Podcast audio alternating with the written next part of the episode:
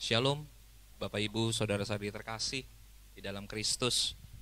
Kita berjumpa pagi hari ini dalam satu kesempatan yang spesial bahwa hari ini kita merayakan kenaikan Tuhan kita Yesus Kristus ke surga. Menjadi sesuatu yang berbeda juga karena kita hari ini berjumpa melalui ibadah online. Tapi yang pasti dan yang luar biasa adalah Tuhan kita bukan hanya mati untuk kita, bahkan Tuhan juga bukan hanya hidup bangkit dari kematian, melainkan melalui momen ini dia naik ke surga dan menyediakan tempat yang terbaik untuk setiap kita yang percaya. Amin. Berapa kita, berapa banyak dari kita yang percaya bahwa engkau dan saya akan menikmati tempat yang terbaik. Hari ini engkau dan saya datang kepada Tuhan. Hari ini kita berdoa bersama-sama di hadapan Tuhan. Bapa, kami bersyukur di hadapanmu Tuhan. Bahwa engkau Allah yang terus menyertai kami. Engkau yang membuat kami tetap bersuka cita di tengah perjalanan kehidupan kami.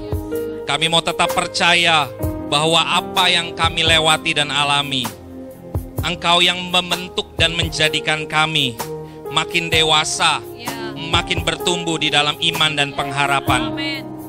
Hari ini melalui ibadah kenaikan Tuhan, Engkau Allah menyatakan hikmat-Mu, menyatakan perkenananmu, menyatakan kehadiran-Mu di tengah-tengah kami. Ya. Dan hari ini kami mau menyatakan Tuhan, kami hidup karena anugerah dan kasih sayang-Mu Tuhan. Amin. Sebab Engkau sumber kehidupan kami. Bahkan kalau hari ini kami datang menyembah-Mu, kami hari ini datang untuk menyenangkan hati Tuhan. Kami yakin dan percaya Engkau satu-satunya pusat penyembahan hidup kami. Ya. Dan Engkau yang layak ditinggikan untuk selama-lamanya. Haleluya. Mari kita angkat pujian ini. Aku hidup karena anugerahmu. Aku hidup karena kasihmu.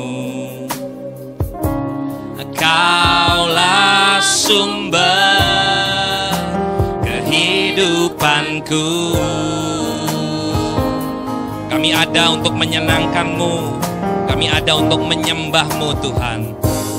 Aku hidup untuk menyembahmu.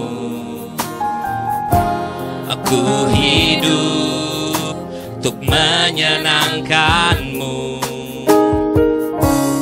Kaulah pusat penyembahanku.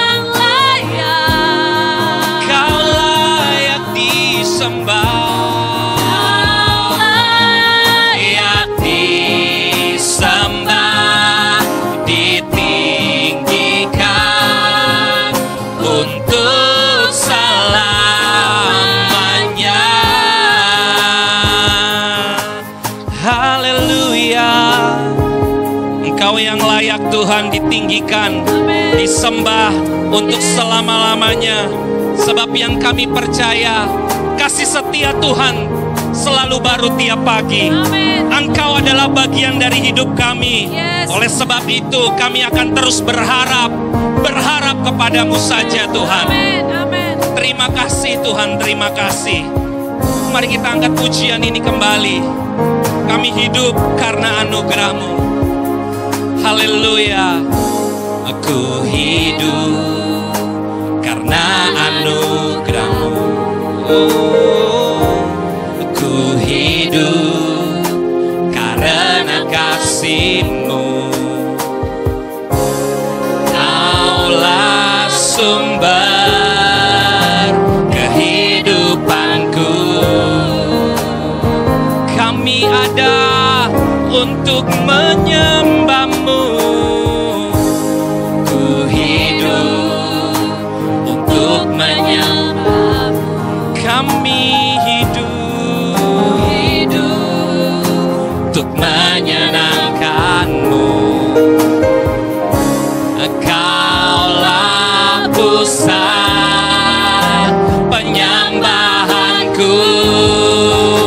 Bapak Ibu, Engkau dan saya bangkit berdiri. Haleluya.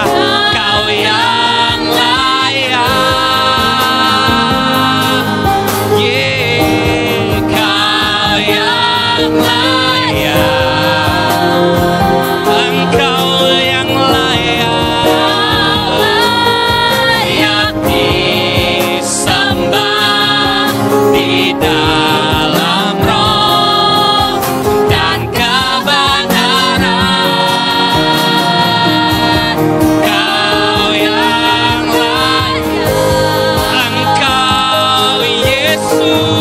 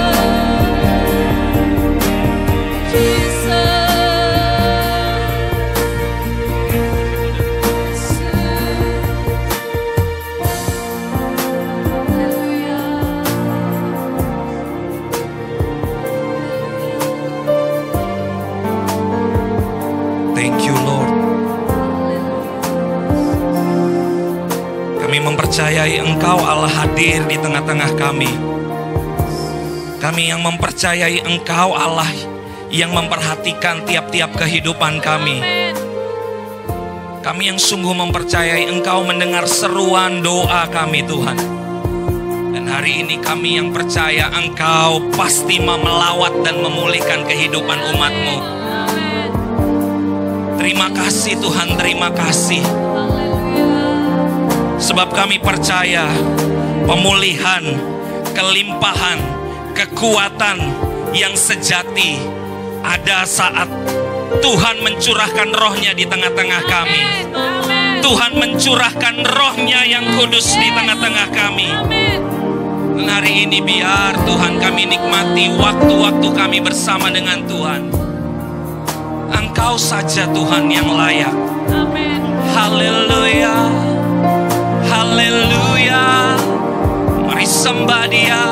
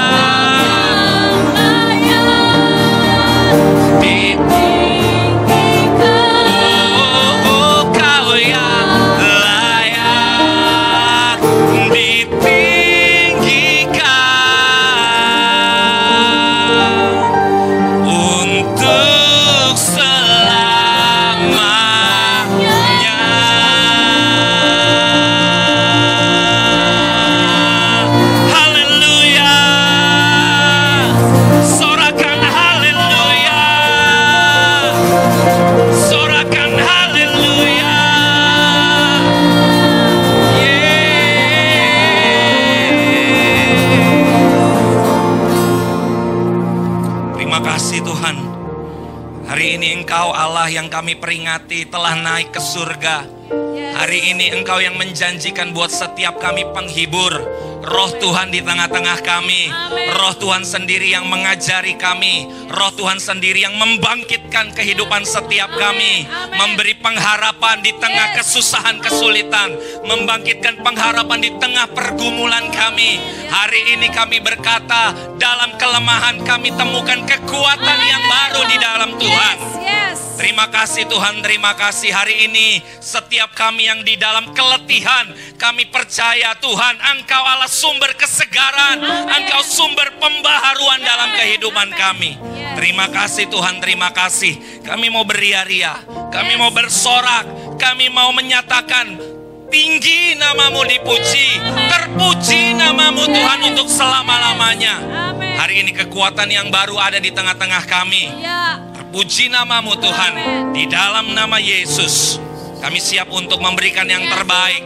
Haleluya Sama-sama katakan Amin Amin Beri sorak-sorai bagi dia Haleluya Silakan duduk saudara Dan saudara siap untuk memuji nama Tuhan. Kita akan bersorak-sorai bagi dia Sebab engkau yang layak dipuji Ditinggikan Amin. Namamu Tuhan untuk selama-lamanya.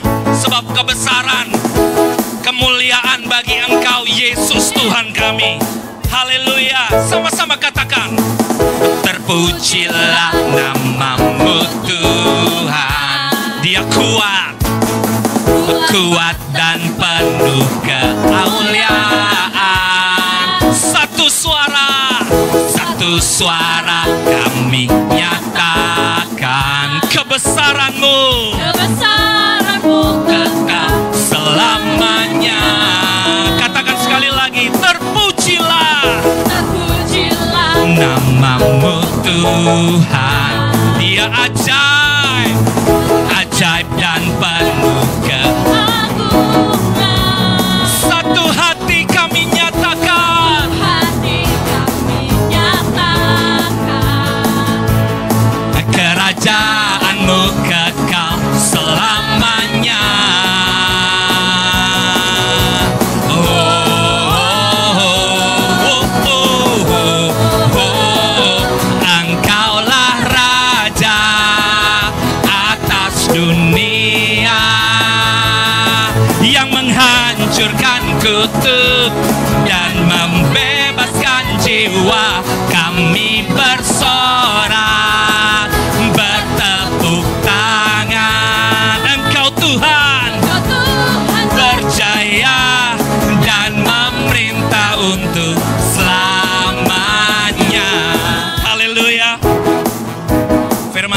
Berkata dia yang naik ke surga dan dia mengkaruniakan roh kudus untuk menyatakan kehadirannya di tiap-tiap umat kesayangannya. Hari ini karunia roh kudus itu hadir di tengah-tengah rumah jemaat Tuhan yang siap untuk memberikan sorak-sorai kemuliaan, pujian yang terbaik hanya bagi dia. Amin. Amin. Karena itu saya jemput semua kita bangkit berdiri. Katakan terpuji namamu Tuhan. Haleluya. Terima kasih Tuhan. Terpujilah namamu Tuhan. Dia ajaib. Ajaib dan penuh keagungan.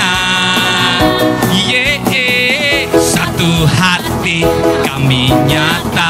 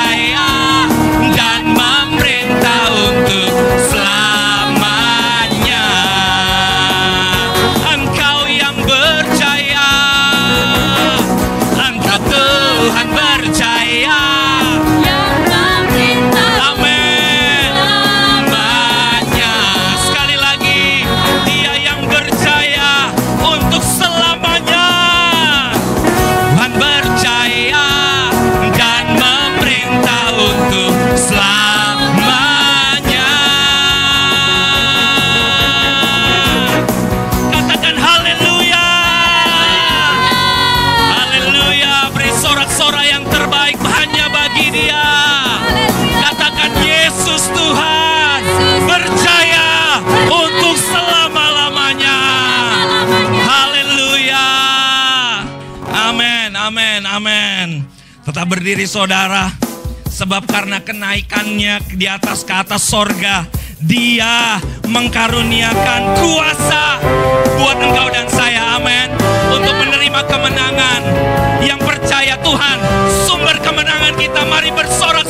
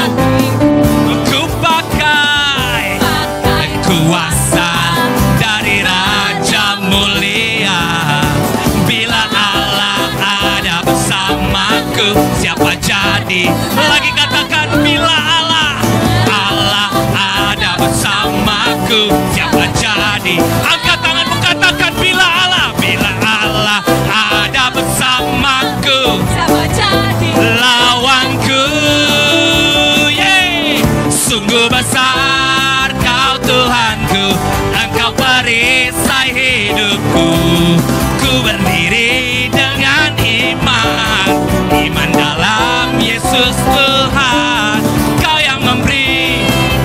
Amin. Ku bersorak merayakan.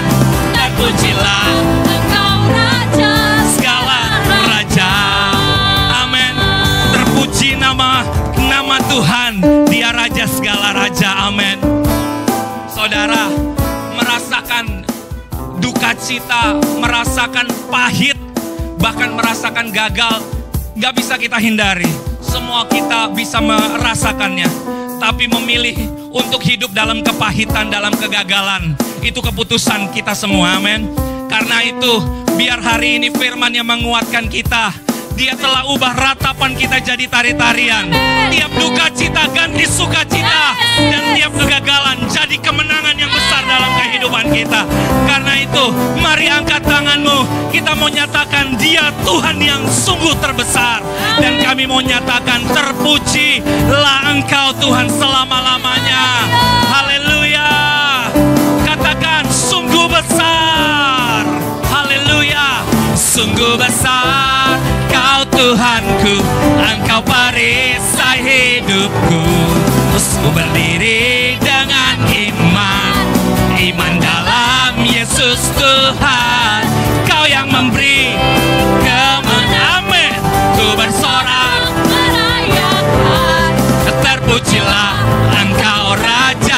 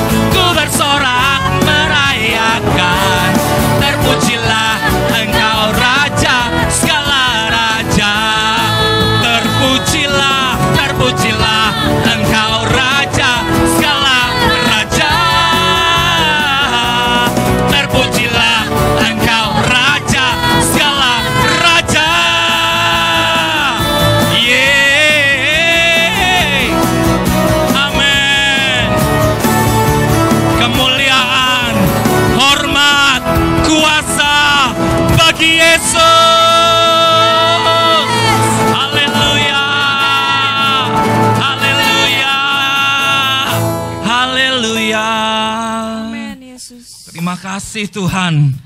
Dahsyat Engkau Tuhan. Amin, amin. Silakan duduk saudara dalam hadirat Tuhan. Makasih Tuhan. Terima kasih Tuhan. Kasihmu besar buat kehidupan kami. Lebih tinggi dari apa pun juga. Kesetiaanmu melampaui segala sesuatunya. Sejauh langit dari bumi, demikian kasihmu buat hidup kami Tuhan. Makasih Tuhan. Makasih Tuhan. Mari angkat pujian ini. Engkaulah kekuatanku Tempat perlindunganku. Saat badai menerpa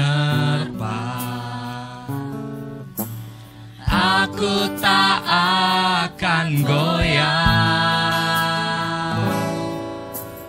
Aku tak akan goyah Sebab kau sertaku Mari angkat pujian ini kembali. Dialah kekuatan kita. Engkaulah kekuatanku. Tempat perlindunganku. Saat badai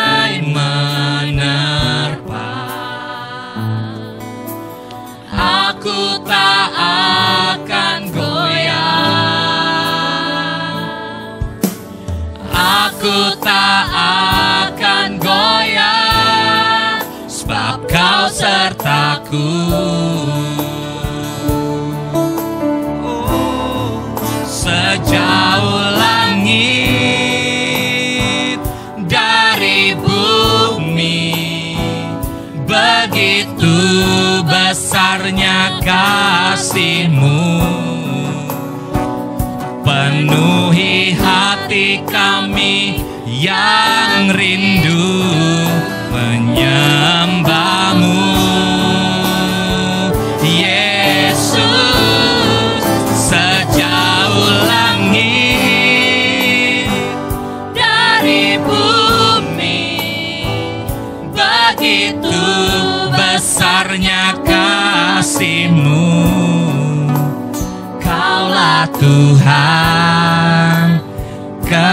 kekuatanku sukacitaku.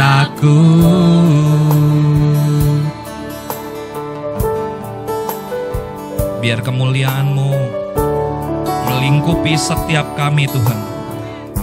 Engkau Allah yang terus membuat jalan di tengah-tengah kami Sekalipun lewati padang gurun Sekalipun melewati lembah Engkau Allah yang menjadi jalan buat kehidupan kami Terima kasih Tuhan, terima kasih Sebab yang kami mau serukan untuk selama-lamanya Engkau adalah kekuatan kami.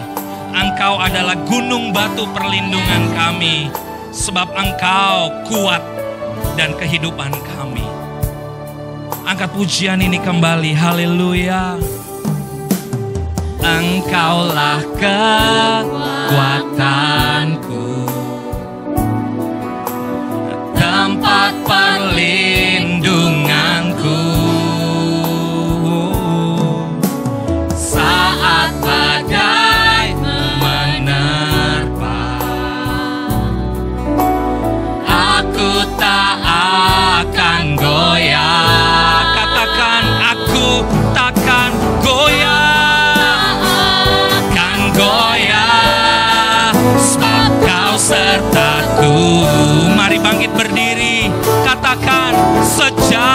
Langit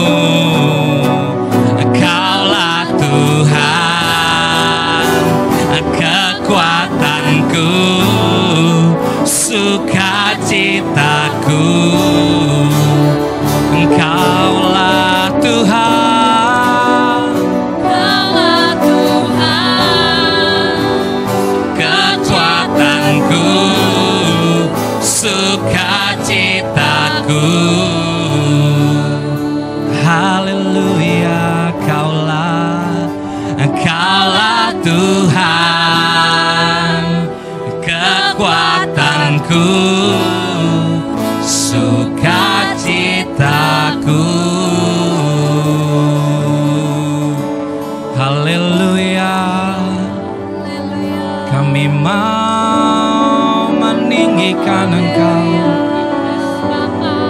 Sebab besarnya kasih setiamu.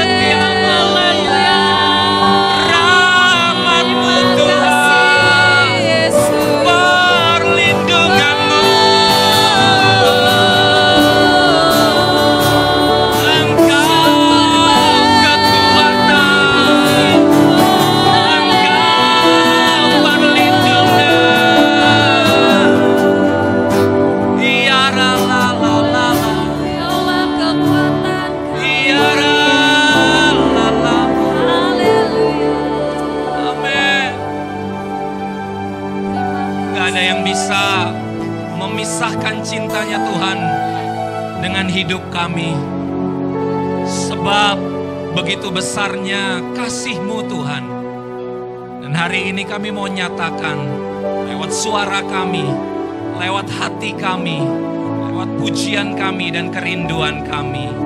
Katakan sejauh langit langit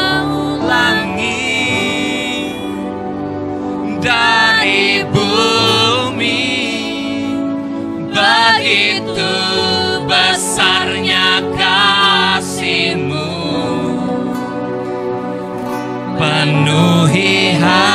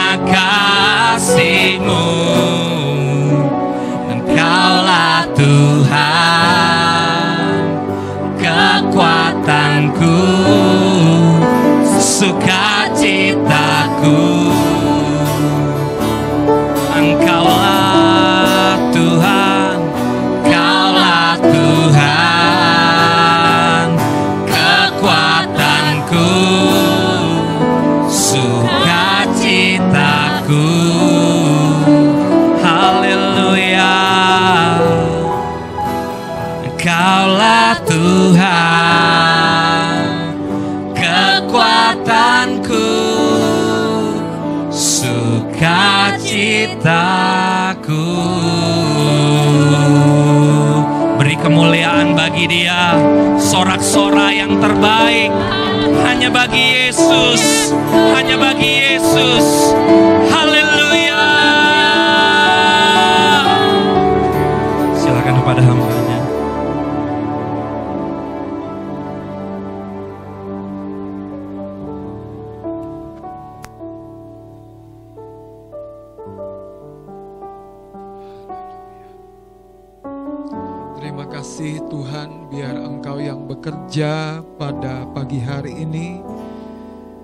Ketika kami mengingat kenaikan-Mu ke surga untuk menyampaikan sebuah pesan yang penting bagi gerejamu, bagi orang-orang yang percaya kepadamu Tuhan.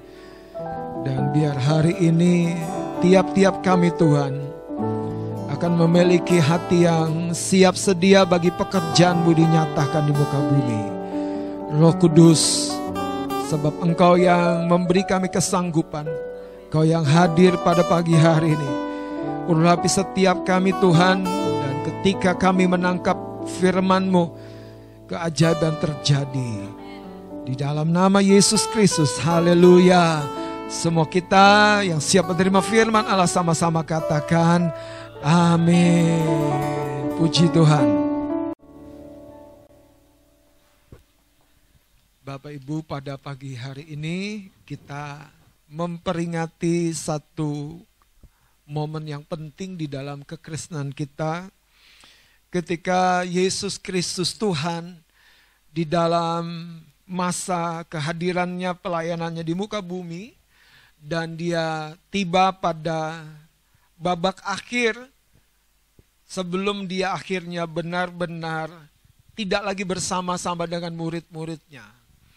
Dan momen kenaikannya itu adalah sebuah momen yang penting, sebuah momen yang berharga, karena di dalamnya ada pesan-pesan yang berguna sekali untuk kita sebagai gereja Tuhan, tidak hidup terpaku dengan berbagai hal yang seolah-olah menjadi sebuah rutinitas perangkap kehidupan kita.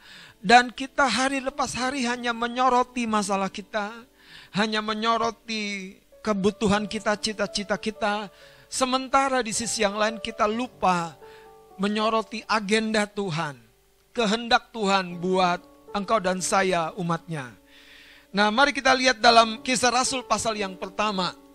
Kisah Rasul pasal yang pertama dari ayat yang ke-6 dari judul perikop Yesus terangkat ke sorga. Saya akan baca dari ayat yang ke-6 sampai ayat yang ke-11. Yesus terangkat ke sorga. Maka bertanyalah mereka yang berkumpul di situ. Tuhan, maukah engkau pada masa ini memulihkan kerajaan bagi Israel? Jawabnya, engkau tidak perlu mengetahui masa dan waktu yang ditetapkan Bapa sendiri menurut kuasanya. Tetapi kamu akan menerima kuasa kalau roh kudus turun ke atas kamu. Dan kamu akan menjadi saksiku di Yerusalem dan di seluruh Yudea dan Samaria dan sampai ke ujung bumi. Sesudah ia mengatakan demikian, terangkatlah ia disaksikan oleh mereka dan awan menutupinya dari pandangan mereka.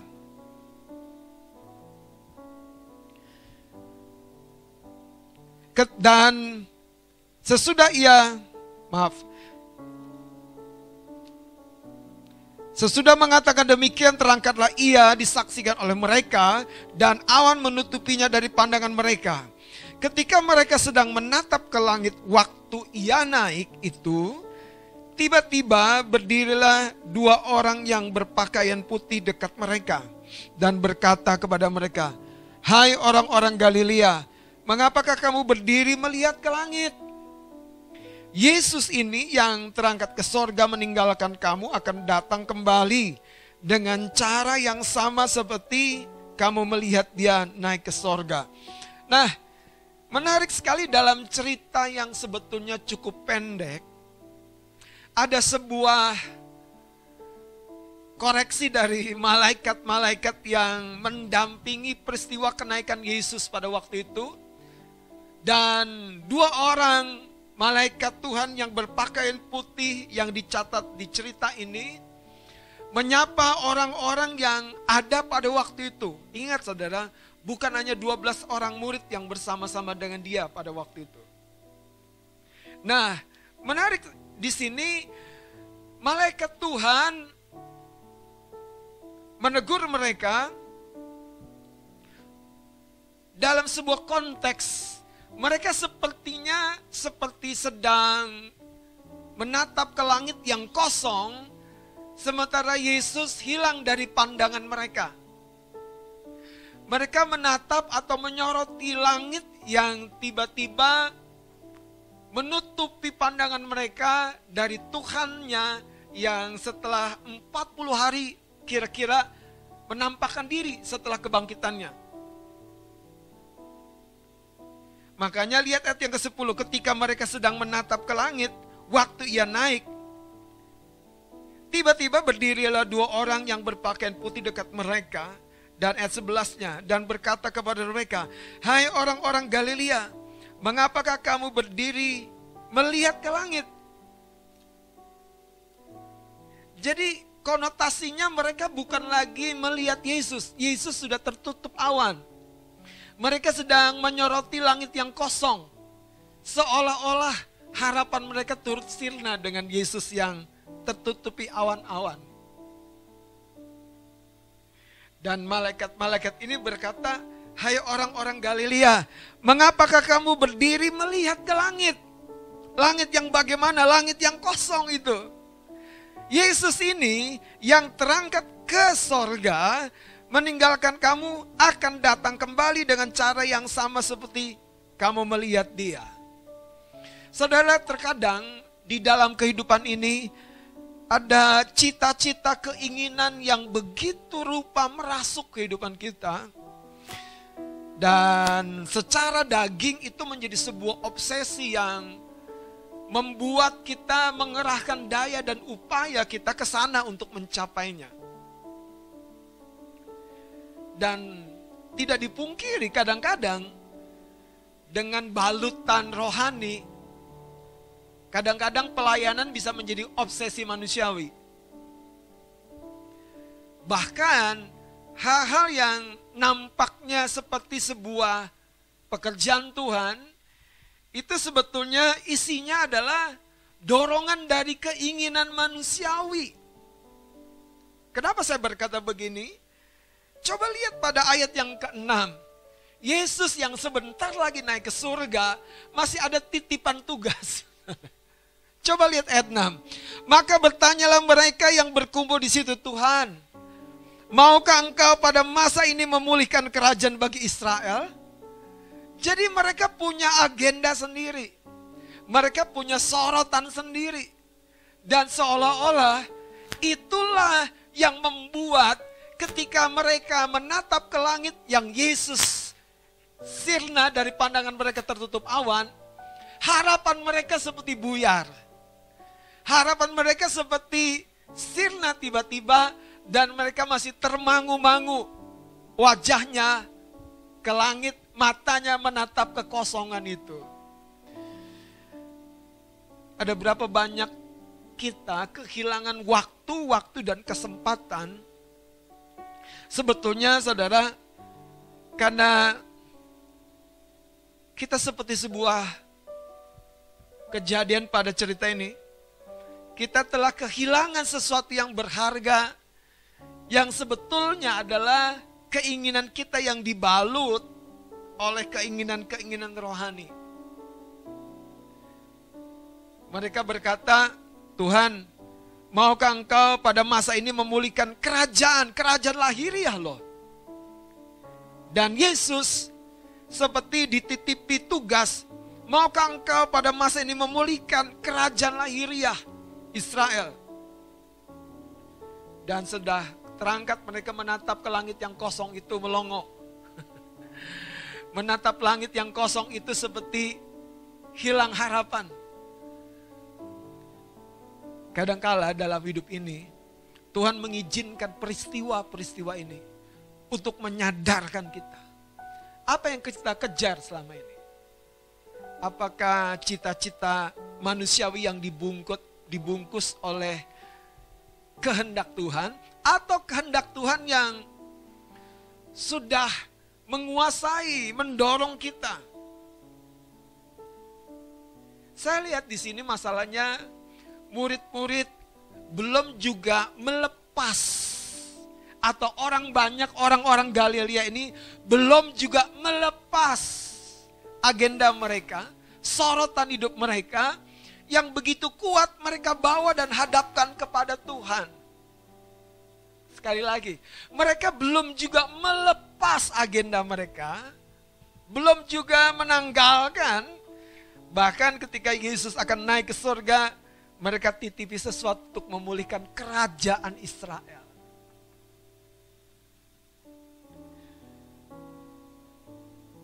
Di sinilah kegagalan banyak anak-anak Tuhan memahami agendanya Tuhan.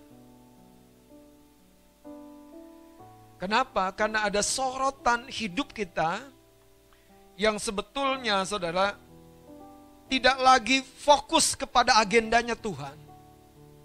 Akurat kepada rencananya Tuhan.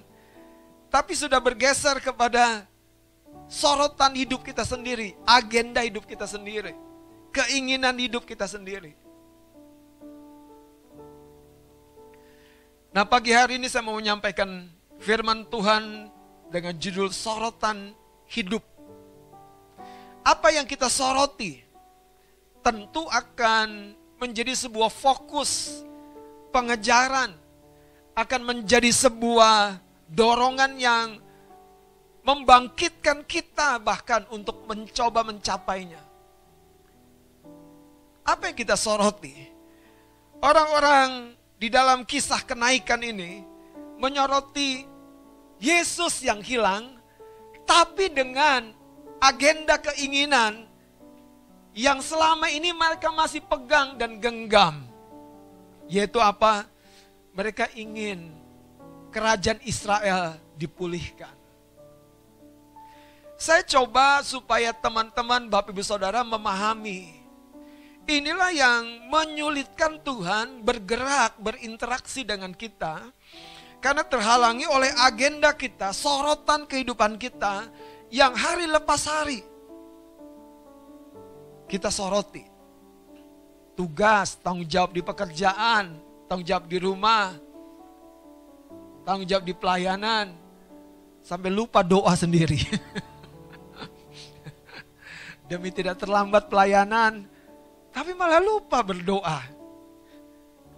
Yang kita soroti bukan pribadinya, bukan Tuhan, tapi sebatas tugas dan tanggung jawab.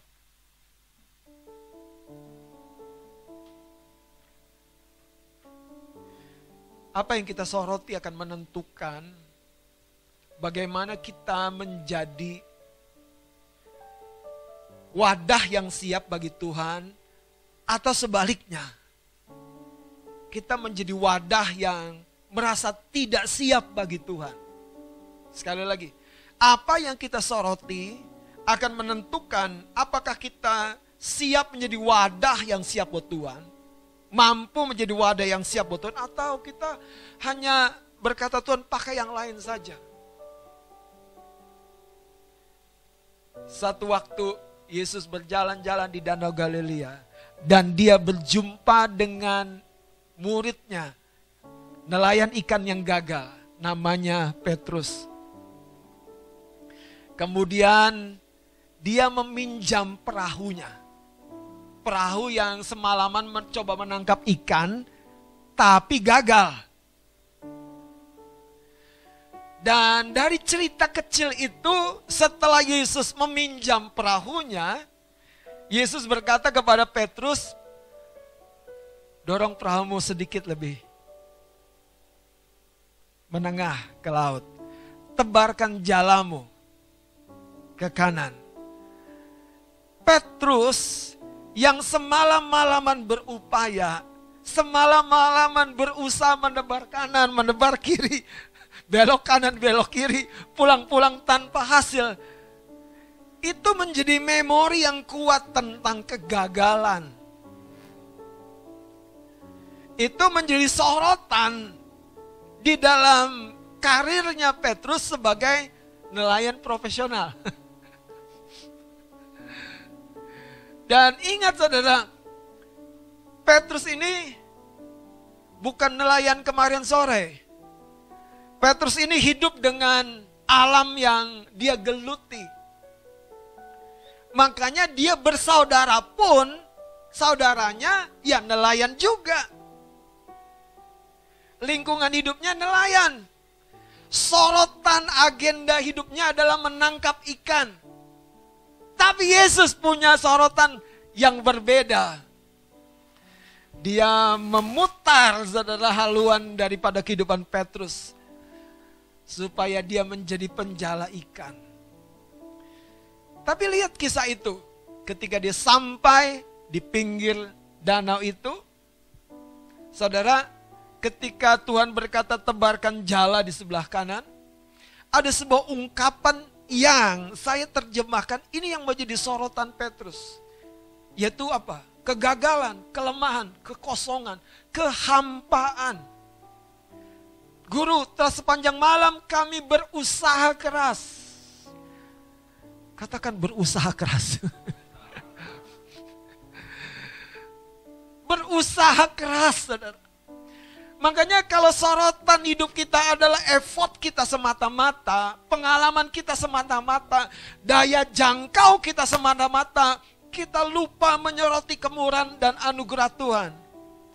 Menyoroti agendanya Tuhan. Saudara, hidup kita kita kan habisi dengan hal-hal yang sebetulnya sebentar ada sebentar hilang. Sebentar ada kita nikmati tapi kemudian kosong lagi. Makanya ketika Petrus mendapat sebuah pesan yang mustahil rasanya, itu sebuah dilema yang pertama. Tapi ini yang saya mau sampaikan. Petrus memiliki sebuah hati yang berani mencoba. Berani mengambil kesempatan. Yang lain masih tinggal di perahu sementara Yesus berjalan di atas air. Guru kalau itu engkau, suruh aku mendekat, berjalan di atas air. Petrus, murid Yesus yang tidak membiarkan kesempatan itu kosong tanpa sebuah peristiwa, sebuah cerita di mana aku ada di dalamnya. Haleluya. Itu menarik loh saudara. Ada banyak orang tuh, entar aja deh, kamu aja deh, nanti deh, tunggu deh, tunggu deh. Petrus enggak, kalau engkau itu guru suruh aku. Dia pengen cerita itu, dia ada di dalamnya. Nah karakter yang seperti ini saudara, sekalipun dengerin saya, dengerin saya baik-baik. Secara secara rohani ya, murid Tuhan ini yang namanya Petrus ini masih betul-betul kedagingan, sombong saudara. Tiga setengah tahun sama Yesus saja tidak merubah karakter dasarnya. Butuh kepentok, kejedot. Nyangkal gurunya tiga kali setelah sesumbar. Keinsafan itu yang membawa sebuah perubahan radikal, bukan tekad. tekad nggak cukup berubah Petrus. Bahkan saudara, mohon maaf, agak aneh nih. Doa Yesus gak cukup berubah Petrus. Karena pada kenyataannya, Yesus berdoa bukan supaya Petrus tidak gagal, tidak jatuh. Tapi Petrus berdoa, Yesus berdoa untuk Petrus supaya dia insaf. Artinya pada fase sebelumnya, sepertinya doa Yesus belum mencapai hasil. Makanya kalau kita menghadapi masalah benturan, dengar kekasih Tuhan, Tuhan pengen merubah sorotan hidup kita. Tuhan pengen menaruhkan agendanya yang baru.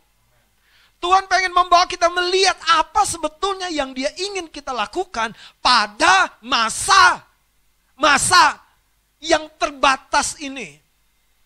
Saudara kembali kepada kisah Rasul pasal yang pertama. Waktu orang-orang Galilea ini berkata, Tuhan maukah engkau pada masa ini memulihkan kerajaan bagi Israel? Lihat jawabnya saudara. Ayat yang ketujuh, jawab Yesus. Engkau tidak perlu mengetahui masa dan waktu. Engkau tidak perlu mengetahui masa dan waktu. Artinya itu tidak penting bagimu. Itu bukan agendaku mengetahui masa dan waktunya. Artinya Tuhan sedang ngomong, kamu belum paham yang aku mau sebetulnya. Dan lihat, engkau tidak perlu mau mengetahui masa dan waktu yang ditetapkan Bapa sendiri menurut kuasanya, tetapi, tetapi, ada dua hal yang sebetulnya menjadi agenda dan sorotan Tuhan buat hidup kita dalam memperingati kenaikannya ini. Yang pertama, Tuhan ingin kita mengalami kepenuhan roh. Makanya ketika pertanyaan itu terlontar, Tuhan tidak menjelaskan detail kenapa aku tidak setuju, kenapa bukan itu yang aku mau. Tuhan lantas menyampaikan yang penting, yang sebetulnya aku mau. Dia berkata begini, ayat 8, tetapi kamu akan menerima kuasa. Jadi pesannya yang pertama, sorotan Tuhan, gereja, anak-anak Tuhan, kita perlu menerima dan mengalami kuasa itu. Yesus sendiri berkata, kalau Bapak di dunia ini, anaknya minta batu, tidak minta roti, tidak akan dikasih batu. Minta ikan tidak akan dikasih ular. Kamu akan menerima roh kudus dari Bapak. Dengar saudara, bandingkan berkat lahir ya, dibandingkan dengan roh kudus. Saya waktu baca ini kenapa Tuhan kok bandingkannya enggak nyambung, jomplang. Karena sebetulnya menerima Roh Kudus itu suatu kebutuhan yang begitu esensi sekali. Itu begitu penting sekali, saudara. Menerima Roh Kudus. Satu kali Petrus dihadapkan dengan mahkamah agama. Dan mereka dipertanyakan banyak hal. Tapi Alkitab mencatat dan Petrus yang penuh Roh Kudus. Dinamika kepenuhan itu kita perlu bangun dan jaga. Itu yang membuat mata air yang memang sudah Tuhan taruh menurut Yohanes 7 kamu akan menerima roh kudus, mata air itu, dan menjadi aliran-aliran kehidupan itu akan mengalir. Jadi dinamika kepenuhan itu, saudara. Dan Yesus berkata, kamu akan menerima kuasa kalau roh kudus turun ke atas kamu, dan kamu akan menjadi saksiku. Jadi dua poin yang harusnya juga menjadi sorotan dan agenda kehidupan kita. Saudara, pertanyaannya, banyak kita tidak cukup meluangkan waktu. Kita menghambur-hamburkan kesempatan. Mari kita lihat beberapa contoh yang menarik dari pribadi-pribadi yang sungguh-sungguh saudara mengerti bahwa kesempatan yang terbatas itu perlu sungguh-sungguh digunakan dengan baik. Lihat suratan Rasul Paulus dalam Efesus pasal yang kelima. Haleluya, haleluya. Ayat yang ke-14 saya akan baca mulai. Itulah sebabnya dikatakan bangunlah hai kamu yang tidur dan bangkitlah dari antara orang mati dan Kristus akan bercahaya atas kamu. Karena itu perhatikan dengan seksama bagaimana kamu hidup. Bagaimana cara kita mengisi hidup. Bagaimana kita menjalani hidup, perhatikan.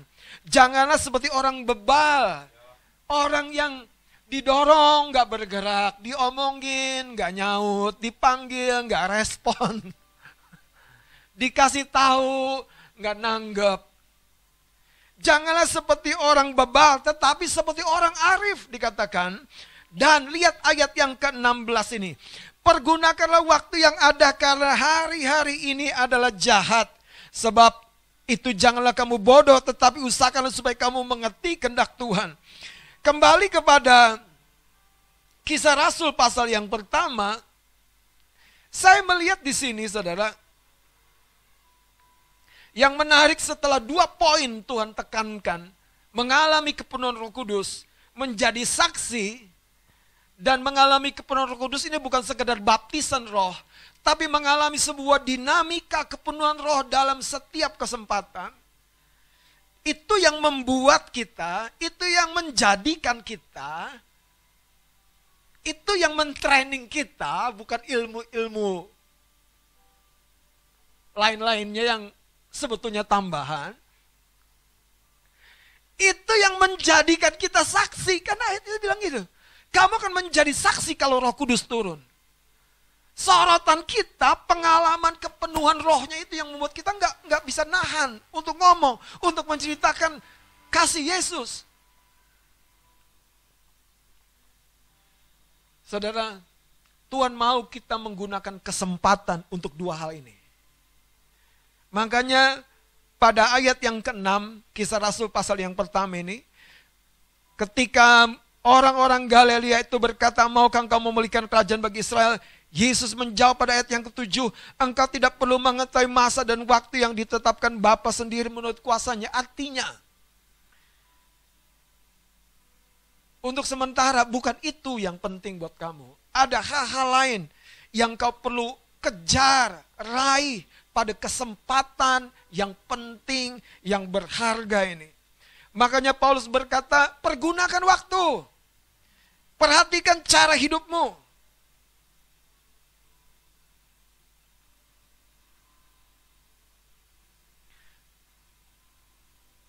Ada sebuah cerita yang saya baca tentang nelayan-nelayan Jepang. Kalau mereka mau menyajikan hidangan yang biasanya dari ikan salmon. Untuk dapat memberikan hidangan masakan dari ikan salmon yang enak, dibutuhkan ikan salmon yang segar. Karena itu, ketika mereka menangkap ikan salmon, mereka tidak membekukannya. Mereka membuat kolam di kapal penangkapan itu, kolam yang digunakan untuk menampung ikan salmon itu. Tapi sekian waktu kalau mereka tiba di darat, tidak sedikit ikan salmon yang sudah mati, ngap-ngap. Belum sampai di restoran yang dituju, udah gak bernafas dia. Alkisah, mereka mendapatkan sebuah cara. Nelayan-nelayan Jepang ini. Mereka menangkap ikan hiu kecil, dan ikan hiu kecil itu ditaruh bersama ikan-ikan salmon itu di dalam kolam tempat penampungan hasil penangkapan ikan salmon itu. Dan kemudian saudara, karena ikan hiu itu berkejar-kejaran dengan ikan salmon, Alkisah ikan salmonnya mendapat sebuah motivasi hidup.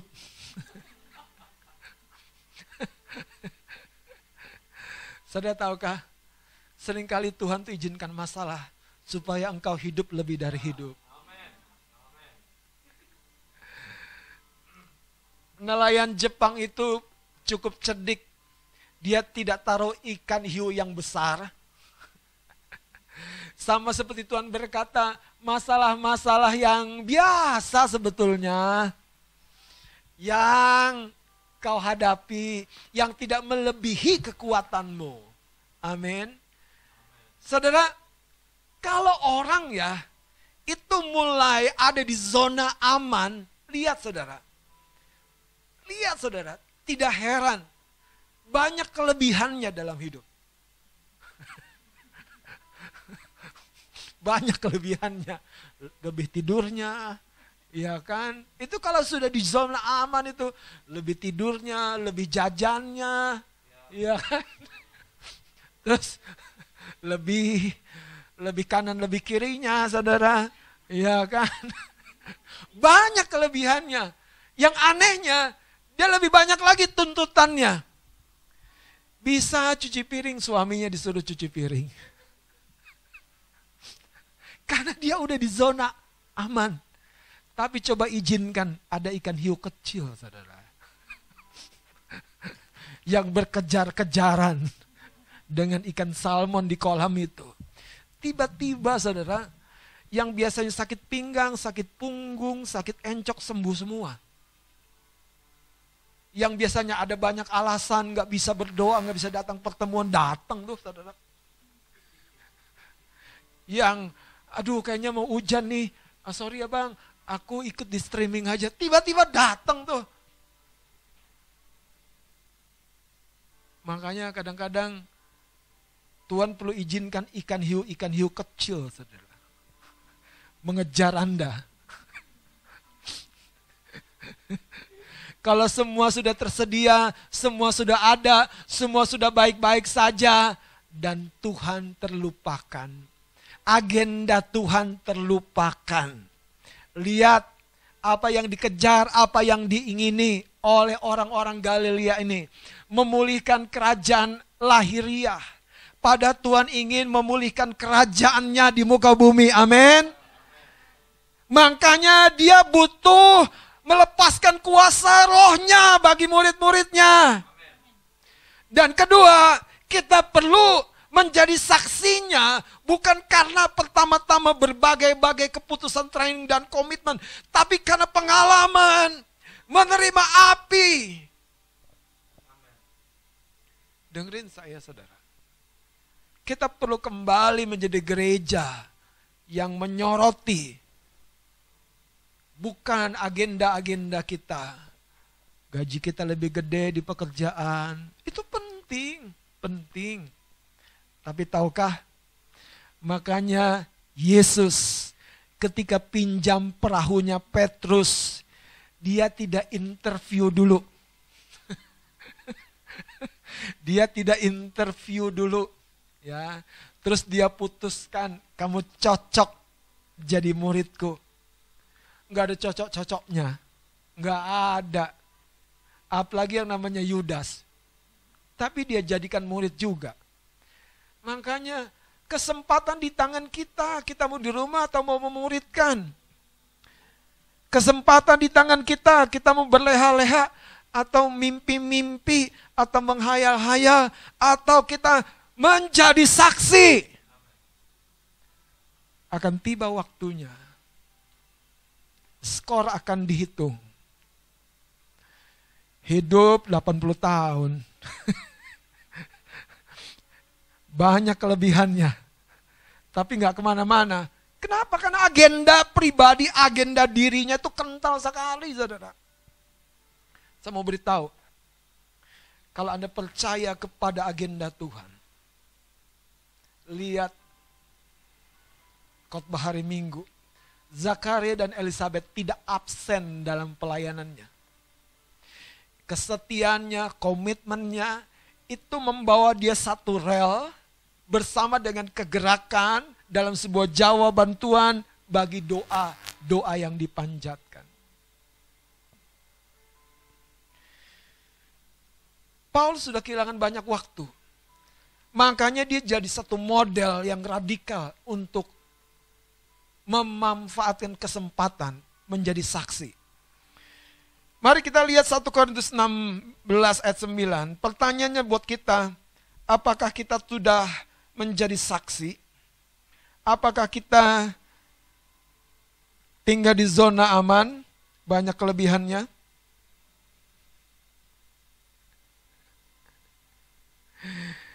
Kita menghitung-hitung kesulitan, kegagalan dan lain-lainnya lupa menghitung bahwa Tuhan memberikan kesempatan buat kita untuk kita ada di dalam cerita itu. Haleluya. Lihat saudara 1 Korintus 16 ayat yang ke-9. Sebab di sini banyak kesempatan, banyak kesempatan, banyak kesempatan, banyak kesempatan. Mau Anda bersaksi di restoran, bersaksi di rumah, undang orang, mau ada bersaksi di kantor, banyak kesempatan. Tapi kalau itu tidak terjadi, biasanya bukan kurang pengetahuan, tapi kurang api. Kurang api, saudara. Kurang api. Kurang api. Lihat, Alkitab berkata begini. Banyak kesempatan bagiku untuk mengerjakan apa? pekerjaan yang besar dan penting, pekerjaan yang besar dan penting. Sekalipun ada banyak penentang yang menjadi sorotan rasul yang satu ini, murid yang teladan ini. Sorotannya bukan penentang-penentang. Mau Anda bikin YouTube untuk penginjilan banyak yang dislike-nya. Anda tahu Tuhan mau saya bikin ini. Go ahead. Mau Anda banyak di komen negatif. Kenapa? Masalahnya kita harus tahu, sorotan kita bukan penentang-penentang, tapi kesempatan. Rasul Paul sudah berkali-kali dan tiap pelayannya selalu, selalu, selalu penentang-penentangnya hebat, hebat tapi dia tidak berkecil hati kalau di akhir pelayanannya dia masuk penjara. Kenapa? Karena Alkitab berkali-kali mencatat setelah dia turun panggung masuk penjara, eh ada orang-orang yang percaya kepada berita keselamatannya. Saya berdoa, api yang baru turun menyertai kita. Karena kenaikannya meninggalkan sebuah pesan, kamu akan menerima kuasa kalau roh kudus turun ke atas kamu.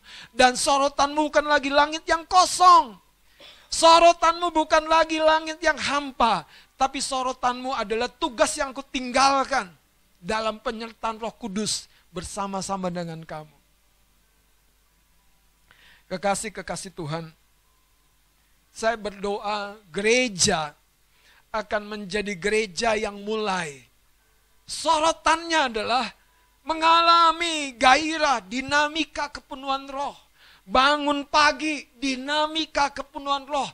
Bahasa roh dengan gegap gembita, dengan yakin. Sekalipun volume suara lembut saja.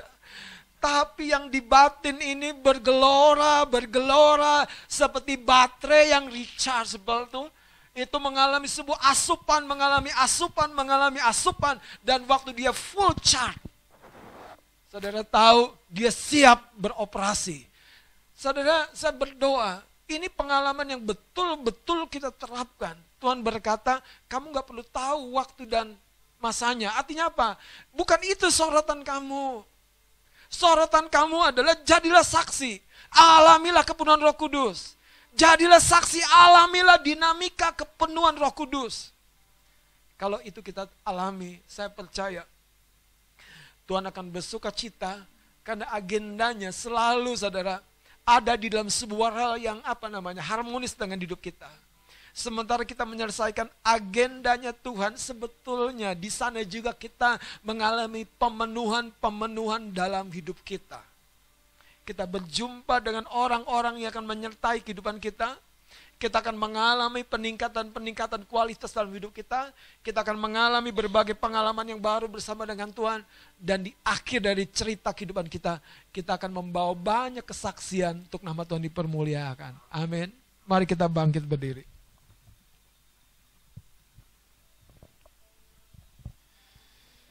Mari kita izinkan Tuhan merubah sorotan hidup kita. Tidak lagi langit yang kosong, Yesus yang kembali ke surga tertutup awan. Tapi kita mendengar, kamu tidak perlu tahu waktu dan masanya. Namun kamu akan menerima kuasa kalau roh kudus turun. Amin. Haleluya.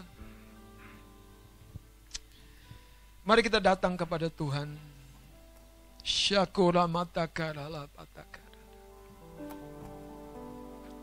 Ku yakin kau hadir di sini. Ku rasakan kuasa yang tak terbatas. Ku yakin kau nyata di sini. Kemenangan terjadi di sini. Mereka pujiannya dari awal. Haleluya. Ku menyembah dalam kudus hadiratmu. Hampiri tahta kasih karuniamu Bapa. Oh,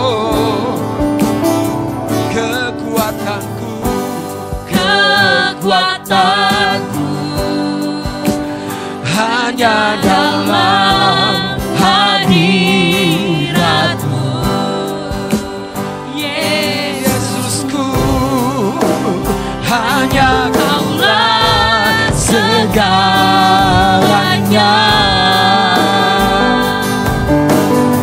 Mari katakan, ku yakin, ku yakin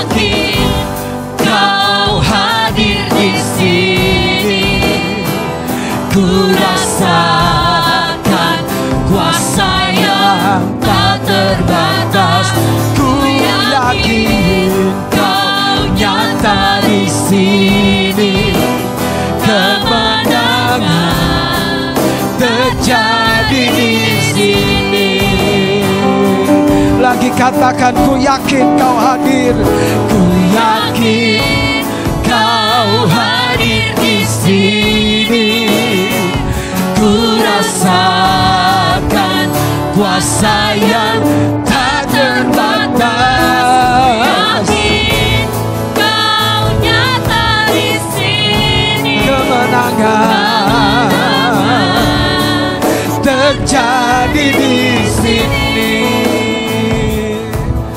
Bapak Ibu Saudara yang di rumah pada hari ini dalam memperingati hari kenaikan Tuhan kita juga akan duduk sehidangan dalam perjamuan kudus. Di tempatmu masing-masing mari persiapkan tubuh dan darah Yesus. anggur dan roti perjamuan yang ada, mari kita persiapkan dengan baik. Mari angkat pujian ini, ku menyembah. Ku menyembah.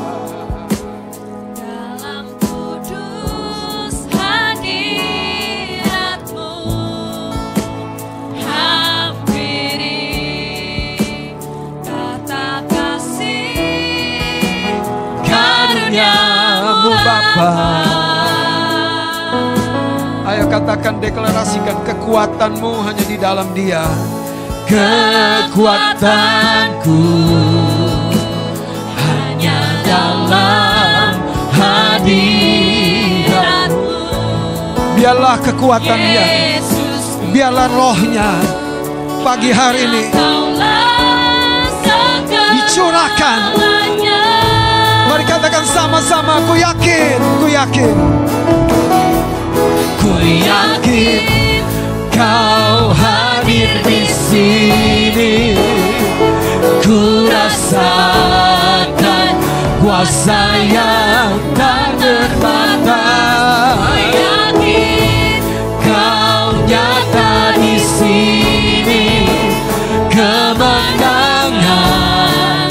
Terjadi di sini. Kalau Bapak Ibu Saudara sudah siapkan tubuh dan darah Yesus di tanganmu masing-masing, mari dengarkan perkataan saya nanti kita akan makan bersama-sama dalam ababa saya. Kira namo.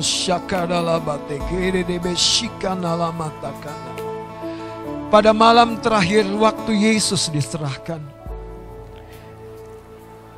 Ia duduk sehidangan bersama dengan murid-muridnya. Dia mengambil roti, pegang roti di tangan kita, di tangan kanan kita angkat tinggi. Lalu ia berkata, inilah tubuhku yang dipecahkan bagi kamu. Perbuatlah setiap kali kamu memakannya menjadi peringatan akan aku. Yesus Tuhan, Engkau berkata, perkara-perkara lahiriah pada masa yang lalu menjadi sorotan kami. Biarlah hari ini dalam memperingati kenaikanmu, kami menyoroti agendamu. Maka di sana kami akan tahu pemenuhan kehidupan kami terjadi. Seperti muridmu Petrus ketika mengizinkan perahu kosongnya menjadi mimbar bagi Tuhan. Kami mengucap syukur untuk tubuhmu. Kami mau terima dan makan dengan percaya. Di dalam nama Yesus, keajaiban terjadi. Mari makan bersama-sama tubuh Kristus.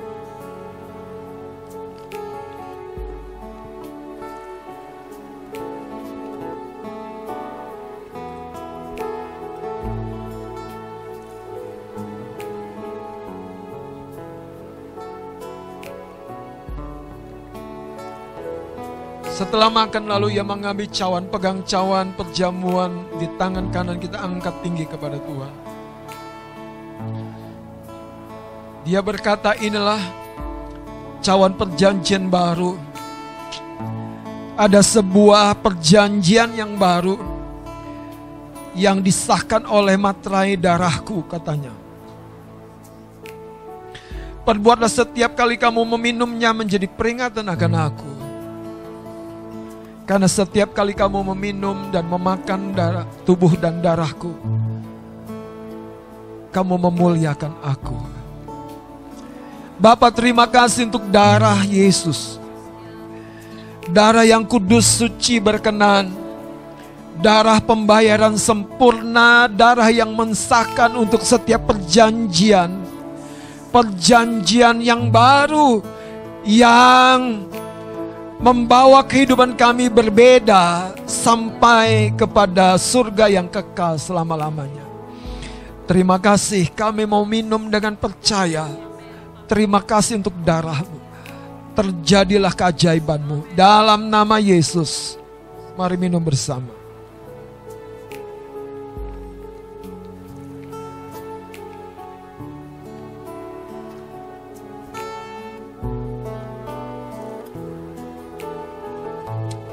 Shanda bukarana makarana matakana. Kirado bashakana lamani dakaya dere shikere debe. Rakata kanta kata kiara la baba baya shekene makarata kurobo shakana lamana mana. Kamu akan menerima kuasa kalau Roh Kudus turun ke atas kamu. Shakanalamu karyana masyekete kinaya baha. Reda basakanalam ini kaina mahari. Rabo karabo shakano makata kata kata kata. Hina mama baba baba baba baba baba baba baba baba kiare. Shikaralaba, shikerelebe, rasikandalamana ralamana. Biarlah aliran-aliran air hidup mengalir, mengalir, mengalir. Biarlah kesembuhan dimanifestasikan. Sebagaimana firmannya dinyatakan. Biarlah kesembuhan diwujudkan di dalam nama Yesus.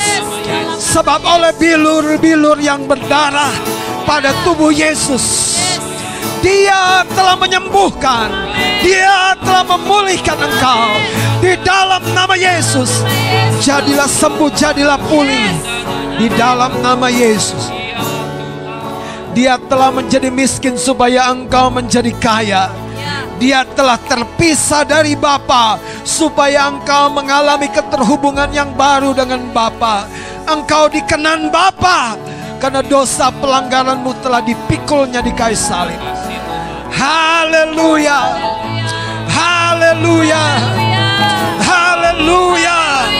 Segala hormat pujian. Glory bagimu Tuhan. Haleluya. Haleluya. Haleluya. Haleluya. Engkau dahsyat. Engkau ajaib. Kami mau alami kuasamu. Mari katakan, ku yakin, ku yakin, kau hadir di sini. Ku rasakan kuasa yang tak terbatas, ku yakin, kau nyata di sini.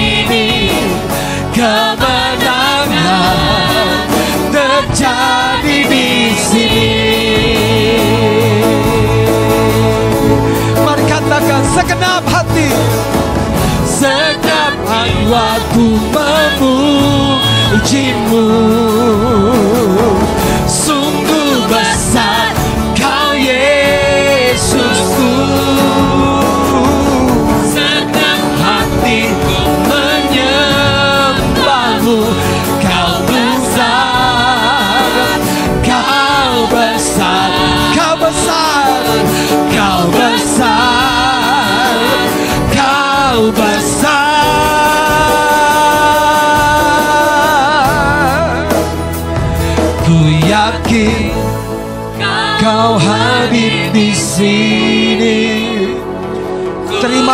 kepenuhan Roh Kudus. Terimalah kuasanya. Terimalah kuasanya yang tidak terbatas. Kila bosakan ala matakara la batakara la Kila masakana la batakara Lagi katakan ku yakin, ku yakin. Haleluya. Ku rasakan kuasa yang tak terbatas. Ku yakin kau nyata di sini. Kemenangan terjadi lagi katakan tinggikan dia ku yakin. Yakin kau hadir di sini. kita matakulobo shakaralaba kita masikaralaba daralaba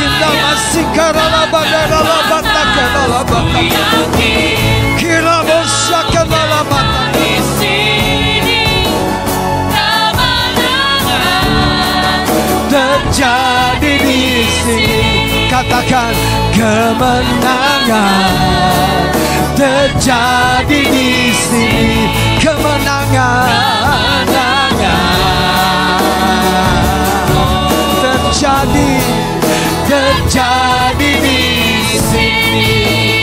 Berikan sorak-sorai bagi Tuhan. Haleluya. Haleluya. Haleluya. Haleluya. Haleluya. Glory bagimu Tuhan. Shikalalabadabadabada. Kita masalah nama Bapa Bapa yang rasakan Allah. Terima kasih Tuhan. Kami tahu kami punya tugas. Kami tahu kami punya misi. Kami tahu kami punya agenda kerajaanmu bukan kerajaan dunia. Kami tahu Tuhan yang terpenting dan terutama. Kami menerima kuasa itu dan hidup dalam kuasa itu. Maka hidup kami akan menjadi saksi. Hidup kami akan mengalami kepenuhan dari rencana dan janjimu.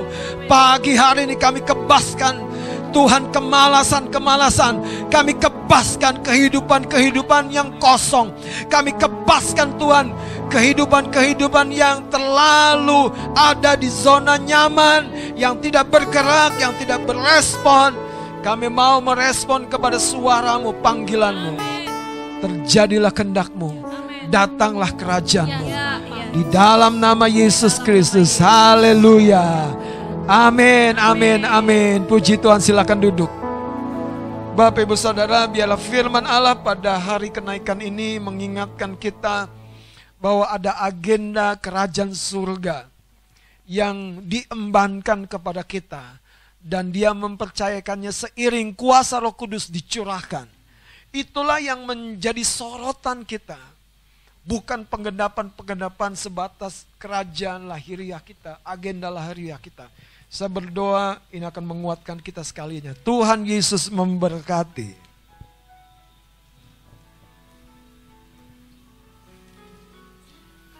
Puji nama Tuhan, bersyukur lewat kebenaran firman-Nya, kiranya meneguhkan dan menguatkan setiap kita. Haleluya. Dan kita akan mendengarkan pengumuman informasi kegiatan sepekan hari Kamis 13 Mei 2021 diumumkan buat setiap kita hari Minggu 16 Mei 2021 akan dia tetap diadakan ibadah raya di gereja kita di GPK Mapujian Kebon Jeruk pukul 9.30. Buat setiap jemaat Tuhan juga dapat beribadah di rumah dengan mengikuti melalui live streaming Facebook GPI Kemah Pujian. Dan buat setiap kita hari ini yang membawa persembahan, saudara bisa mentransfer ke rekening bendahara atau juga dapat dititipkan ke sekretariat. Kita akan memberikan persembahan yang terbaik.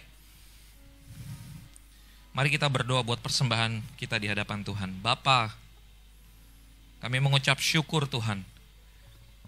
Firman-Mu iya dan kami mau nyatakan amin buat kehidupan kami. Dan hari ini Tuhan kami mau jadi saksimu bercahaya dan menjadi terang, beranjak dari tiap-tiap tempat kami masing-masing. Terima kasih buat kebenaran firman-Mu. Itu yang membuat batin kami terus berseru, Tuhan ubahkan setiap kami. Tuhan jadikan kami saksimu. Tuhan kami jadikan kami surat yang terbuka. Terima kasih Tuhan, terima kasih. Dan kalau hari ini kami membawa persembahan kami, biar lahir dari hati kami yang rindu dan mengasihi Tuhan. Seberapa besar rupiah yang kami bawa, biar ini menyukakan hati Tuhan. Biar engkau dapati perkenanan di dalamnya Tuhan. Terpuji namamu Tuhan. Kami siap memberi dengan ucapan syukur di dalam nama Tuhan Yesus. Kami bersyukur dan berdoa. Haleluya. Amin. Amin. Amin. Sambil kita membawa persembahan kita di hadapan Tuhan, kita akan angkat pujian. Terpujilah namamu Tuhan. Engkau yang kuat, penuh kemuliaan. Haleluya.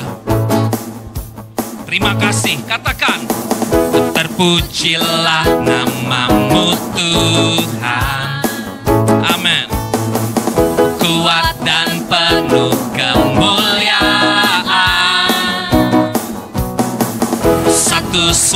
kami nyatakan.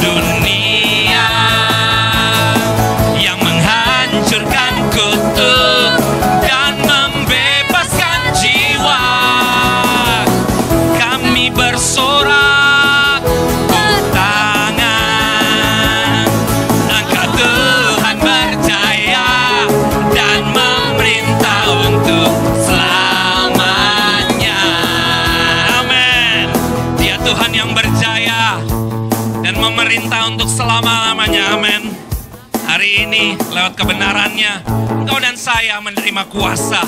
Engkau dan saya ada untuk jadi saksinya. Engkau ada untuk menerangi dunia ini. Sekalipun gelap, engkau tahu. Engkau jadi pribadi yang bercahaya. Haleluya. Dan kalau demikian kita akan akhiri ibadah kita pada hari ini. Kita angkat doa kita di hadapan Tuhan bersama-sama. Mari angkat tanganmu di hadapan Tuhan. Bapa kami bersyukur. Kami mengakhiri ibadah kami dengan ucapan syukur dan terima kasih kami akan penyertaanmu sepanjang hari-hari ini Tuhan. Dan kalau hari ini kami secara khusus berdoa buat jemaat, seluruh jemaat GPI Kemah Pujian. Mulai dari pemimpin yang paling tinggi, gembala sidang Tuhan di tempat ini, hingga seluruh jemaat. Biar setiap kami dipenuhi oleh roh yang dari Tuhan. Segala kelemahan, kekhawatiran, tipu daya setan telah dihancurkan Amin. kutuk, telah dihancurkan oleh kuasa Yes. darah Yesus. Yes. Dan kami berseru ada pemulihan, Amin. ada kesegaran, ada kebangkitan dan kebangunan yang dari Tuhan. Bahkan kami berdoa damai sejahtera Tuhan yang dari Kristus sendiri memenuhi tiap-tiap rumah, tiap-tiap Yes. jemaat Tuhan di dalam nama Yesus. Nama Yesus. Kami juga berdoa shalommu Tuhan, damaimu Tuhan, menyertai dan memenuhi seluruh bangsa Indonesia, bangsa yang engkau kasihi. Bangsa Indonesia ada di dalam keamanan, kerukunan, penyertaan yang dari Tuhan saja. Dan kami berseru bangsamu Tuhan, bangsa Indonesia akan bangkit, mengalami kemenangan di tiap-tiap bidang Ya, Tuhan. ya. Hari ini kami berseru penyertaan Tuhan nyata atas bangsa Indonesia di dalam nama Yesus. Dan kami berdoa memberkati Bapak Ibu Gembala. Di mana pun mereka berada, apa pun yang hari-hari ini mereka kerjakan, tangan Tuhan yang ajaib, penyertaan Tuhan yang sempurna menyertai kehidupan mereka, di mana pun mereka berada, mereka jadi terang, mereka jadi saksi, mereka menjadi alat kemuliaannya Tuhan. Dan apa yang mereka terima itu juga yang akan diterima oleh umatmu Tuhan. Terima kasih Tuhan. Engkau Tuhan, Engkau Tuhan atas Indonesia, Engkau Tuhan atas umatmu di mana pun mereka berada. Dan kami mau nyatakan Tuhan, kami berkata Engkau Raja. Engkau Tuhan yang membebaskan setiap kami. Engkau telah mati, Engkau bangkit dan Engkau naik ke surga untuk menyiapkan tempat yang terbaik buat kehidupan setiap kami. Ya. Terima kasih Tuhan, terima kasih. Dan di akhir ibadah kita kami pada hari ini, kami mau nyatakan pujian ini. Engkau Raja atas dunia. Haleluya, haleluya. Mari bertepuk tangan semua. Engkaulah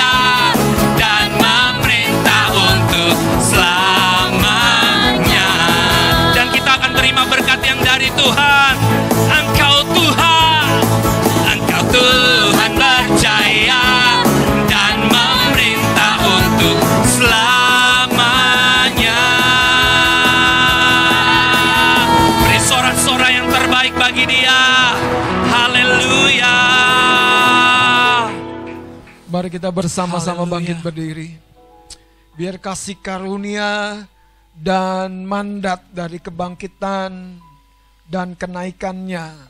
Dia berkata segala kuasa telah ada padaku. Ini sebabnya pergilah jadikanlah semua bangsa muridku. Mari Bapak Ibu yang di rumah sekalian di mana engkau mengikuti dan bersama-sama dengan saya dalam ibadah ini. Biarlah momen kenaikannya tidak lagi membuat kita hanya menyoroti agenda manusiawi kita.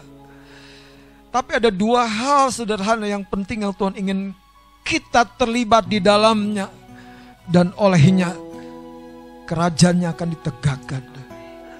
Penuhlah oleh Roh Kudus dan jadilah saksi. Syakura mata karana masyekere debe kiara labata. Yaria sandora mata kalian nama syekere debe. Mari angkat kedua belah tanganmu kalau demikian kekasih-kekasih Tuhan. Di mana pun engkau berada, terimalah kasih karunia dari Allah dan Bapa di dalam surga. Kiranya pembela dan kehadirannya menjadi nyata dalam kehidupanmu. Dan oleh kasih Tuhan Yesus Kristus, engkau tidak akan menjadi dingin. Namun sebaliknya kau akan membawa kehangatan di mana pun kau berada. Dan kiranya oleh persekutuan roh kudus, ada gelora apinya, engkau akan menjadi saksinya. Mulai hari ini sampai selama-lamanya Maranatha Yesus datang pada kali yang kedua. Di dalam nama Yesus Kristus. Dan semua kita yang diberkati dan percaya katakan sama-sama Amin. Selamat hari kenaikan Tuhan Yesus memberkati.